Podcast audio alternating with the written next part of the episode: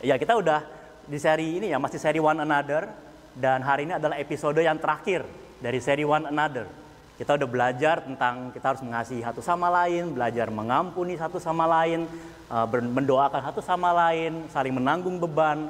Dan minggu lalu kita belajar menasehati satu sama lain. Dan hari ini kita mau belajar tentang menghormati atau honoring one another. Nah, perintah menghormati di Alkitab itu sebenarnya banyak banget ya kalau kita baca.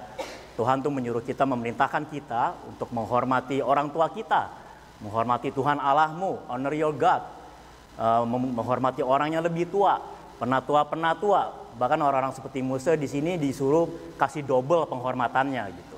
Dan, dan lagi untuk suami dan istri kita disuruh memerintahkan kita untuk menghormati pernikahan kita. Dan lebih ekstrim lagi di satu Petrus kita disuruh menghormati everyone, termasuk raja dan kaisar yang pada waktu itu adalah raja yang kejam dan bahkan menindas orang-orang Kristen pada waktu itu. Eh, kita baca dulu mungkin di untuk hari ini kita akan belajar honoring one another dari segi konteks uh, dalam bergereja ya atau komunitas orang percaya seperti kita di IBC pada hari ini. Kita baca Roma 12 ayat yang ke-10 terjemahan bahasa Indonesianya. Hendaklah kamu saling mengasihi sebagai saudara dan saling mendahului dalam memberi hormat. Ada terjemahan bahasa Inggris, love one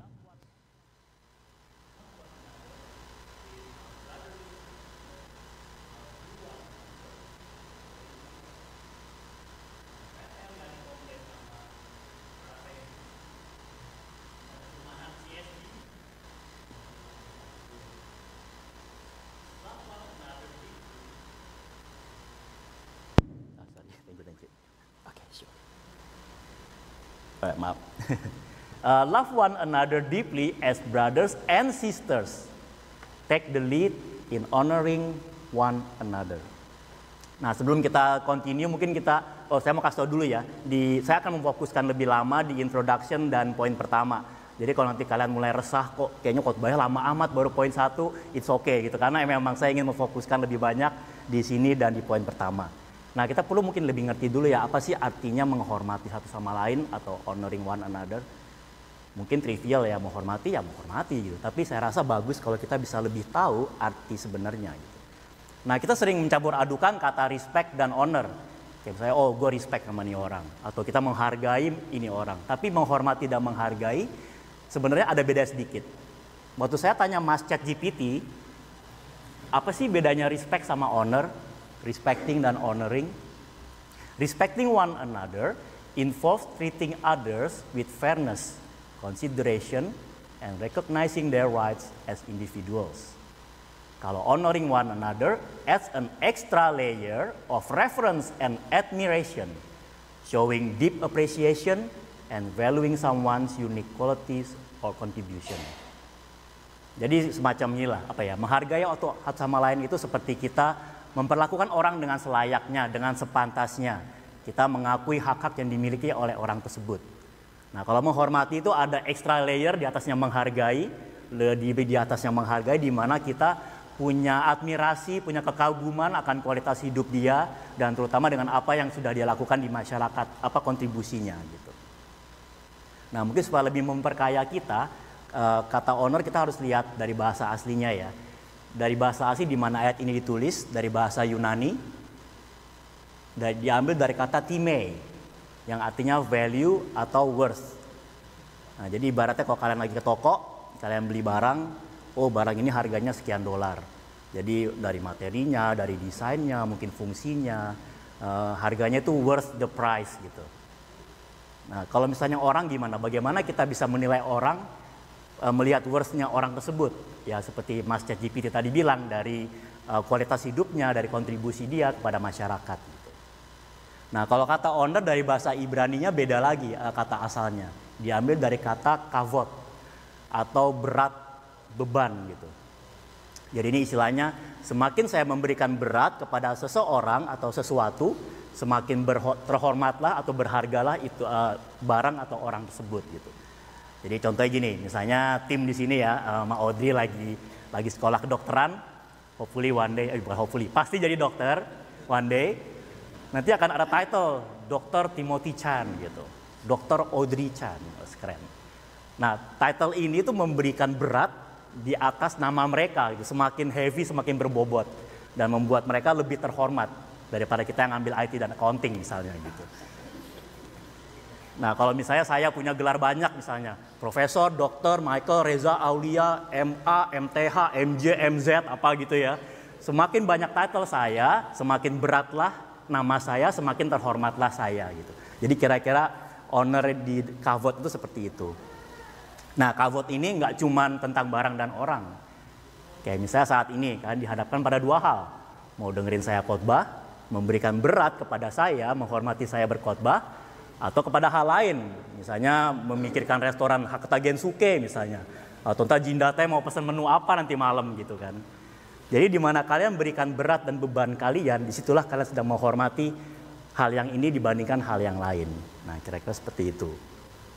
Nah saya rasa kita orang Indo, uh, mungkin bukan orang Indo lah ya, selasa secara general ya. Kita sering menghormati orang itu berdasarkan apa yang dia punya, ya kan. Kayak, oh si A itu apa ya top 5 richest people in the world misalnya. Atau si uh, tante ini yang punya mall A, mall B, atau si A ini anaknya perusahaan ini gitu. Nah, kita menghormati mereka. Tapi pertanyaan saya, kalau standar penghormatan kita didasarkan atas apa yang mereka punya, gimana kalau besok company-nya bangkrut? Gimana kalau hartanya habis? Apa kita udah nggak menghormati dia lagi berarti?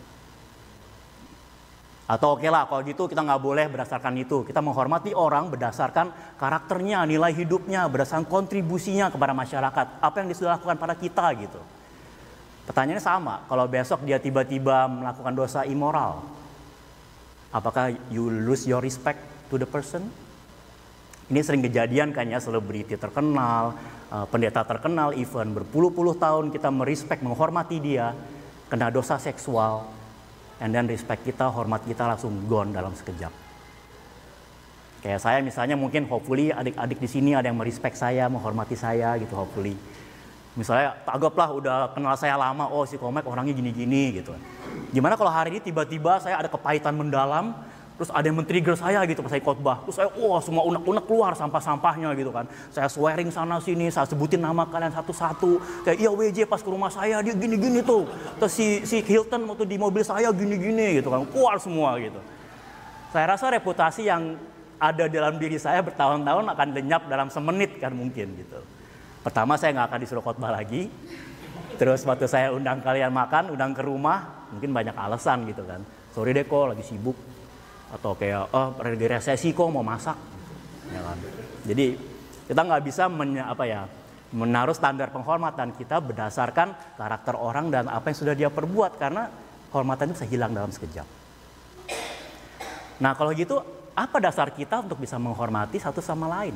Kalau standar harta, standar nilai, standar status, apa yang sudah kita lakukan pada orang itu nggak menjamin. Bagaimana kita saling bisa menghormati satu sama lain? Perintah Tuhan hanya satu. Honor one another titik. Tanpa syarat. Jadi poin saya yang pertama, bagaimana kita bisa menghormati satu sama lain tanpa syarat. Dengan menghormati Tuhan terlebih dahulu. Apa hubungannya ya? Kenapa ya? Biasa jelaskan ya. Jadi di pasal Roma di situ ada dikatakan as brothers and sisters. As brothers and sisters. Apa maksudnya brothers and sisters? Dalam pasal Roma, Paulus sudah menulis bahwa semua manusia jatuh dalam dosa dan upah dosa adalah maut. Tapi melalui pengorbanan Kristus kita diselamatkan. There is no more condemnation. Tapi ada satu hal lagi yang terpenting yang mungkin kita sering lupakan. Tuhan mengadopsi kita menjadi anak-anaknya. Kita diangkat menjadi anak-anaknya masuk dalam keluarga Allah. Kita menjadi brothers and sisters. Dalam Roma 8 ayat yang ke-15, Paulus menulis demikian. Sebab kamu tidak menerima roh perbudakan yang membuat kamu menjadi takut lagi. Tetapi kamu telah menerima roh yang menjadikan kamu anak Allah. The spirit of adoption. Jadi Tuhan sudah mati buat kita, mengasihi kita, dan dia sudah menghormati kita, mengadopsi kita menjadi anak-anaknya. Dan kalau demikian, bukankah engkau seharusnya menghormati Tuhan karena dia sudah menghormati engkau terlebih dahulu? Dan kalau kita menghormati Tuhan, kita bilang, oh saya orangnya menghormati Tuhan, berarti kita harus menghormati anak-anaknya yang lain, bukan? Your brothers and sisters. Dan kalau engkau menghormati satu sama lain, itu berarti sama dengan engkau menghormati Tuhan, vice versa, sama. Um, buku kejadian menulis bahwa semua manusia diciptakan menurut gambar dan rupa Allah. Jadi bagaimana mungkin kita bisa merendahkan orang lain, merendahkan satu sama lain, tidak mau menghormati satu sama lain kalau semua orang, semua manusia diciptakan menurut gambar dan rupa Allah. Bukankah itu berarti saat kita merendahkan orang, secara tidak sadar kita sedang merendahkan gambar dan rupa Allah itu sendiri, which is kita tidak menghormati Tuhan kita. Pertanyaannya seberapa besar engkau menghormati Tuhan? seberapa biasanya engkau menghormati Tuhan. Bagaimana sikapmu waktu lagi doa? Bagaimana dengan uang yang sudah Tuhan berikan kepadamu buat dikelola? Apa kau habiskan untuk kebutuhanmu sendiri? Dan misalnya juga suami dan istri yang sudah ditempatkan Tuhan di hidupmu. Apa kau menghormati satu sama lain? Atau pas lagi merit mungkin uh, romantis, happy, and then 2-3 tahun kemudian mulai nyesel gitu kan, mulai mikir kenapa nih orang ya, kenapa Tuhan kasih dia ke saya gitu kan. Apakah demikian gitu. Bagaimana dengan para leaders yang Tuhan sudah tempatkan di gereja ini, apa engkau menghormati mereka? Bagaimana dengan ibadah hari Minggu? Seberapa engkau menghormati Tuhan dengan menghormati ibadah hari Minggu? Atau engkau sibuk mainan HP tiap kali worship atau lagi khotbah, uh, balasin teman-teman chat misalnya gitu kan. Percaya deh, kalian balas sejam dua jam kemudian temanmu nggak akan lari kok, tetap jadi temanmu gitu. Trust me, dia tetap jadi temanmu. Nah gimana dengan ibadah jam 4 sore nih sekarang ini misalnya. Kan aduh it's prime time kok, prime time. Prime time buat bobo siang. Ya kan? Nah kita dulu setengah 11 pagi ya prime time juga kan. Ada yang baru bangun, ada yang belum bangun. Mungkin nanti jangan jam 4 deh kok, ganti jam 6 sampai jam 8 deh gitu. Lah lapar nanti kan jam makan malam. Yaudah habis makan malam deh.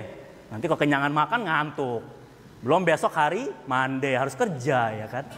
Jadi saya rasa kita punya segudang alasan untuk tidak apa ya, untuk malas mendengarkan khotbah, malas beribadah. Itu balik lagi ke hati dari setiap dari hati kita. Apa kita mau menghormati Tuhan dengan menghormati ibadah hari Minggu. Dan kadang kita suka nggak suka pengkhotbahnya ya. Ada beberapa mungkin, wah kalau pengkhotbah ini yang lagi naik mimbar, aduh dia lagi hari ini minggu ini gitu misalnya. Atau kayak ah paling ngomongnya itu itu doang gitu kan.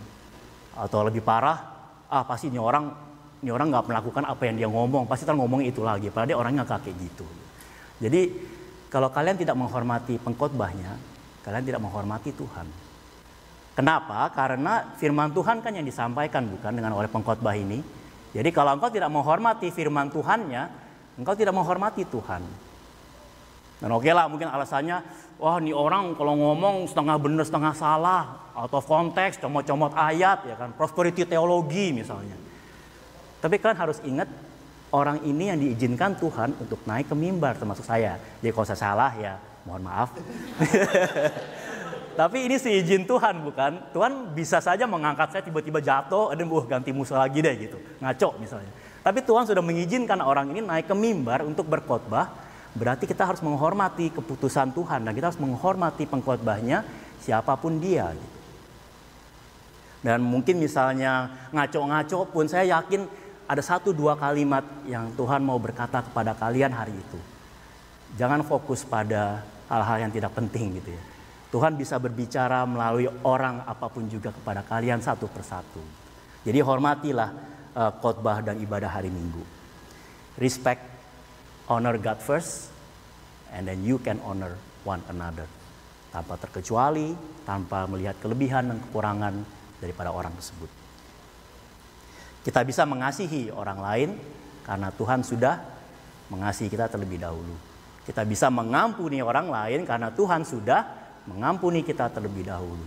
Dan hari ini sama, kita bisa menghormati orang lain karena Tuhan sudah menghormati kita terlebih dahulu. Kita kadang sering bilang ya kayak oh uh, this guy doesn't deserve my respect man kayak maksudnya nggak uh, nggak pantas lah gue apa this, this deserve my my honor gitu. balik lagi, do you think you deserve God's honor? Yang sudah mati buatmu, yang sudah menghormatimu dengan mengangkat engkau menjadi anaknya. Do you think you deserve that? Jadi hati-hatilah saat kita bilang, oh this guy doesn't deserve it. Dan mungkin kadang kita suka merasa kita tuh menang ya, kayak misalnya, oh kalau ini orang, oh gue nggak, you don't deserve my respect, Terus kita kayak merasa menang gitu kan. Tapi sebenarnya kau sedang kalah gitu. Kau kalah dengan egomu, kau kalah dengan feelingmu, dan Tuhan sudah memerintahkan saling hormati satu sama lain dan kau tidak mengikutinya. Dan bukankah Tuhan sudah bilang siapa yang meninggikan dirinya, ia akan direndahkan. Dan siapa yang merendahkan dirinya, ia akan ditinggikan oleh Tuhan. Itu jauh lebih baik daripada perasaanmu menang kepada orang ini. Oke, poin yang kedua. Bagaimana kita bisa menghormati satu sama lain tanpa syarat? With sincere and genuine love. Di ayat ini dikatakan love one another deeply and honor one another. Jadi Paulus itu sedang me, apa ya, sedang menggabungkan dua kalimat ini menjadi satu, loving and honoring. Karena memang uh, poin berikutnya saya rasa mengasihi itu mempermudah hidup. Mengasihi mempermudah hidup ya. Kalau kalian mengasihi seseorang lebih mudah buat kalian menghormati orang itu bukan? Kalau kalian nggak suka sama orangnya, there's no way it'll be harder buat kalian untuk menghormati orang. Itu lebih naturalnya ternyata begitu, unfortunately bukan. Nah jadi kayak misalnya contoh tadi, kalau kalian udah nggak suka sama saya, nggak suka sama Musa, nggak suka sama Stefanus atau Komiki, ya itu begitu mereka dia naik langsung oke okay, blok talk to the hand, gue nggak mau dengerin khotbahmu lagi. Kayak banyak gue there's no way I'm listening to this guy, ya kan. Jadi kalau kalian mengasihi satu sama lain, mengasihi pengkhotbah, kalian bisa lebih menghormati pengkhotbahnya. Nah pertanyaan saya nih, bisa gak menghormati orang tanpa mengasihi? Bisa. Bos kalian misalnya, seberapa banyak dari kita yang gak suka sama bos kita? Tapi hormat gak di depan dia? Saya percaya hormat pasti, ya kan? Bagaimana dengan om tante kalau pulang Indo? Kalau tante lewat, oh iya tante monggo permisi gitu kan kayak eh, mari mari gitu begitu dia lewat eh tante itu tau gak sih gitu ya kan di depan kita hormat kayak malaikat di belakang kayak setan gitu. ya. jadi kita bisa menghormati orang tanpa mengasihi berikutnya punyailah kasih dan kerendahan hati seperti Kristus kalau hati kita penuh kasih Kristus, maka yang keluar dari mulut kita pastilah kasih. Kalau kau selalu kesel sama orang, mangkel terus tiap hari, maka mulutmu yang keluar adalah selalu gosip. Dan sama kalau engkau apa ya, kita selalu orangnya sombong, meninggikan diri, mau ngerendahin orang, yang keluar dari mulut kita adalah gosip sama. Akhirnya kita nggak memberikan honor kita kepada orang, tapi kita berikan sampah gitu ya, trashing people, sampahin people. Nah, punyailah kasih agape seperti Kristus, seperti dalam Roma 5 ayat yang ke-8. Akan tetapi Allah menunjukkan kasihnya kepada kita. Oleh karena Kristus telah mati untuk kita ketika kita masih berdosa. Kita bersalah sama Tuhan, kita melukai hati Tuhan, bahkan kita jadi musuh Tuhan. Tapi Tuhan mau mengasihi kita, mau berkorban buat kita, bahkan menghormati kita dengan mengadopsi kita jadi anak-anaknya. Maka kau pun juga harus demikian seperti Kristus. Kau mengasihi dan menghormati satu sama lainnya. Oke, poin terakhir, cepat kan? Tenang, ini panjang juga ternyata. poin ketiga, bagaimana kita bisa menghormati satu dengan yang lainnya? Saya rasa yang paling gampang adalah dengan actions ya, penerapan yang super praktis saya rasa. Through actions. Eh, Roma 12 ayat yang ke-10 bilang take the lead in honoring one another. Paulus memakai istilah tuh di sini seolah-olah kita sedang berlomba. Jadi kayak ayo lomba-lomba uh, memberikan honor satu sama lain, outdo one another, saling berikan hormat satu sama lain gitu. Jadi kayak semacam pertandingan malah. Nah, ada satu quote dari oh sorry, bukan. Um, kita orang Indo saya rasa um, sorry kita lihat John Piper dulu punya quote deh, quote-nya John Piper dulu. Oke. Okay. Honoring someone is treating them with your deeds and your words as worthy of your service. Saya mau highlight words ya, karena saya rasa gampang, um, gratis, cuma ngomong nggak perlu tenaga banyak nggak perlu waktu dan kita kan orang Indo suka gratisan kan. Jadi words kita saya mau highlight lebih penting gitu. Um, dan balik lagi ke orang Indo ya. Kayak Stefanus bilang minggu lalu orang Indo itu suka sungkanan kan. Boro-boro negur muji orang aja juga kadang susah gitu loh. Kayak rasanya tuh kalau apa ya kalau saya pribadi lah ya. Saya kalau ngomong ke orang jadi bukannya saya nggak memuji, tapi untuk ngedengerin saya ngomong memuji di depan orang tuh kayak kayak, kayak awkward gitu, kayak ilfil gitu ya nggak tahu sih kalian kayak gitu gak. Kayak di keluarga saya ya kita mengasihi satu sama lain. Tapi buat saya ngomong I love you ke Koko atau Cici tuh kayaknya hmm gitu nggak tahu gimana gitu, kayak awkward gitu. Mungkin kultur ya, kultur Asia ya saya rasa ya. Saya kurang ngerti juga gitu. Nah tapi kalian yang ikut retret kemarin mungkin masih ingat ya waktu lagi basuh kaki satu sama lain di malam kita basuh kaki um, malam yang mengharukan gitu kan banyak yang nangis uh, satu sama lain. Tapi saya rasa bukan basuh kakinya yang buat kita nangis tapi plus plusnya basuh kaki plus plus ya kan? A apa itu plus plusnya kalau kalian masih ingat kita disuruh untuk apa? Berikan kata-kata encouragement kan ke satu dengan yang lainnya.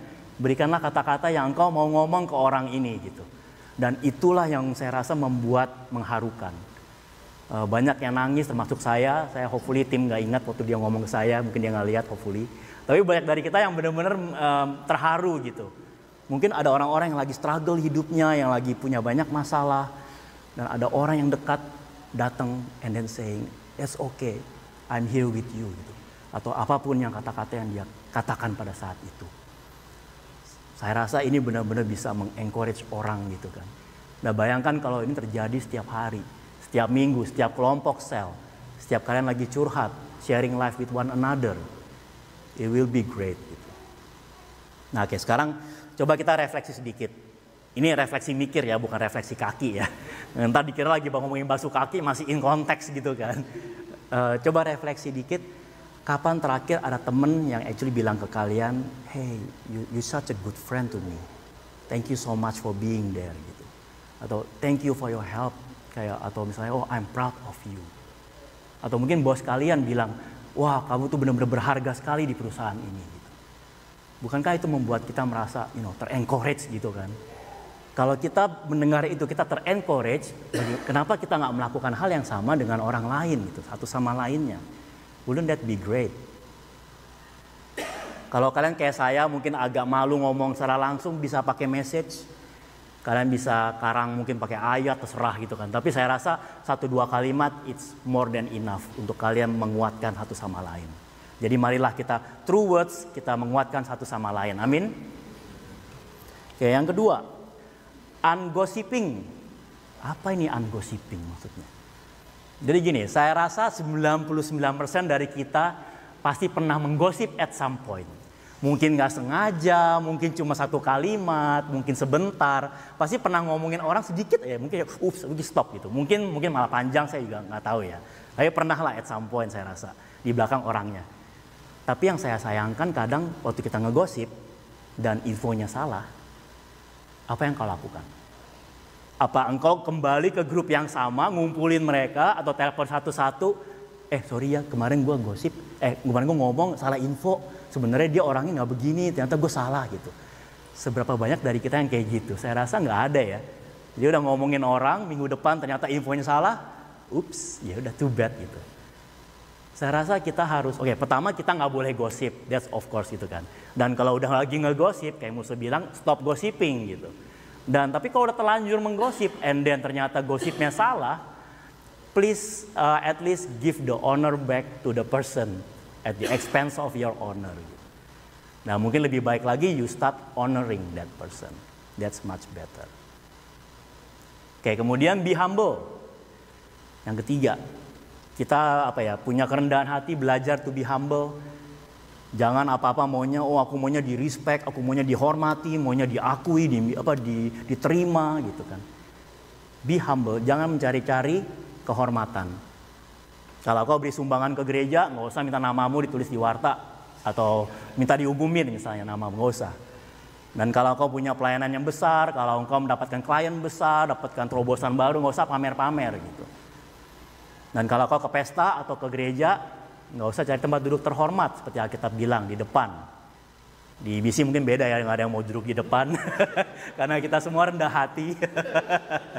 nggak saya rasa memang nggak ada tempat terhormat di gereja ini, semua sama. Yang di depan ya karena tugas di depan lebih gampang majunya gitu kan. Tapi saya rasa ngerti lah ya maksud saya jangan apa ya, jangan mencari-cari kehormatan. Fokuslah giving honor to others. Tuhan yang ngelihat, Tuhan yang akan kasih honor kepadamu in this life or the next. Itu jauh lebih baik dari kehormatan dunia ini. Oke, yang terakhir, give extra honor to the forgotten ones. Berilah kehormatan kepada orang-orang yang terlupakan. Kita baca 1 Korintus 12 ayat 23a. Dan kepada anggota ini uh, dalam konteks itu ya uh, ngomongin anggota tubuh dan tubuh Kristus jadi kayak anggota-anggota satu sama lain uh, pelayanan pelayan satu sama lain gitu ya. Dan kepada anggota-anggota tubuh yang menurut pemandangan kita kurang terhormat, kita berikan penghormatan khusus. And on those parts of the body that we think less honorable, we bestow, we are, are treated with greater modesty. Kalau saya sorry, terjemahan saya, uh, that we think less honorable, we bestow the greater honor. Saya rasa kita sering punya konsep yang salah ya, dan uh, kita tahu itu salah, tetap aja masih punya konsepnya gitu. Yaitu bahwa di, di gereja itu ada pelayanan yang terhormat dan tidak terhormat. Saya rasa kalian tahu lah gitu. Kalau Indonesia mungkin yang ngurusin parkir, yang bersihin WC itu lebih nggak terhormat daripada kayak orang kayak saya misalnya lagi sekarang di mimbar atau pemimpin pujian atau yang di samping ini gitu. Tapi kalian jangan lupa ada pelayanan di belakang sana, ada pelayanan di belakang sini dan yang nggak kelihatan gitu misalnya. Waktu kalian waktu pindahan gedung lama ke gedung baru, kalian kalian kira barang-barangnya zet langsung pindah gitu kan? Enggak, ada beberapa orang yang dengan setia membantu pindah-pindahan dengan tenaga, dengan waktu mereka gitu. Dan grup streaming, grup sound system, kalian nggak tahu berapa ratusan WhatsApp message di grup streaming saya gitu kan. Walaupun saya nggak bantu apa-apa gitu. Tapi mereka try their best, work their hard gitu loh. Untuk bisa streaming dengan baik dan sound systemnya bisa bisa jalan. Jadi kita tepuk tangan dulu dong buat mereka. Dan mohon maaf saya nggak bantu kabur ke Indo. We give honor to them gitu kan. Dan untuk yang masak, harus belanja dulu, harus nyiapin, harus datang pagian, harus masak, nyuci, bawa pancinya balik ke mobil. Siapa dari kita yang habis makan, kita bantuin mereka nyuci, bawa panci ke mobil. Saya rasa hampir nggak ada ya, maksud saya. Jadi kita harus give them honor, at least terima kasih kepada mereka yang sudah capek-capek masak. Dan buat nanti nih yang akan menggantikan saya meringkas khotbah setiap hari Minggu, mereka perlu di-encourage juga saya selalu bersaksi di setiap uh, mengajar kelas pelayanan di LDP ya. Jadi pelayanan pelayanan meringkas khotbah ini tuh dulu waktu saya mulai lama-lama tuh saya lelah gitu kan, saya capek.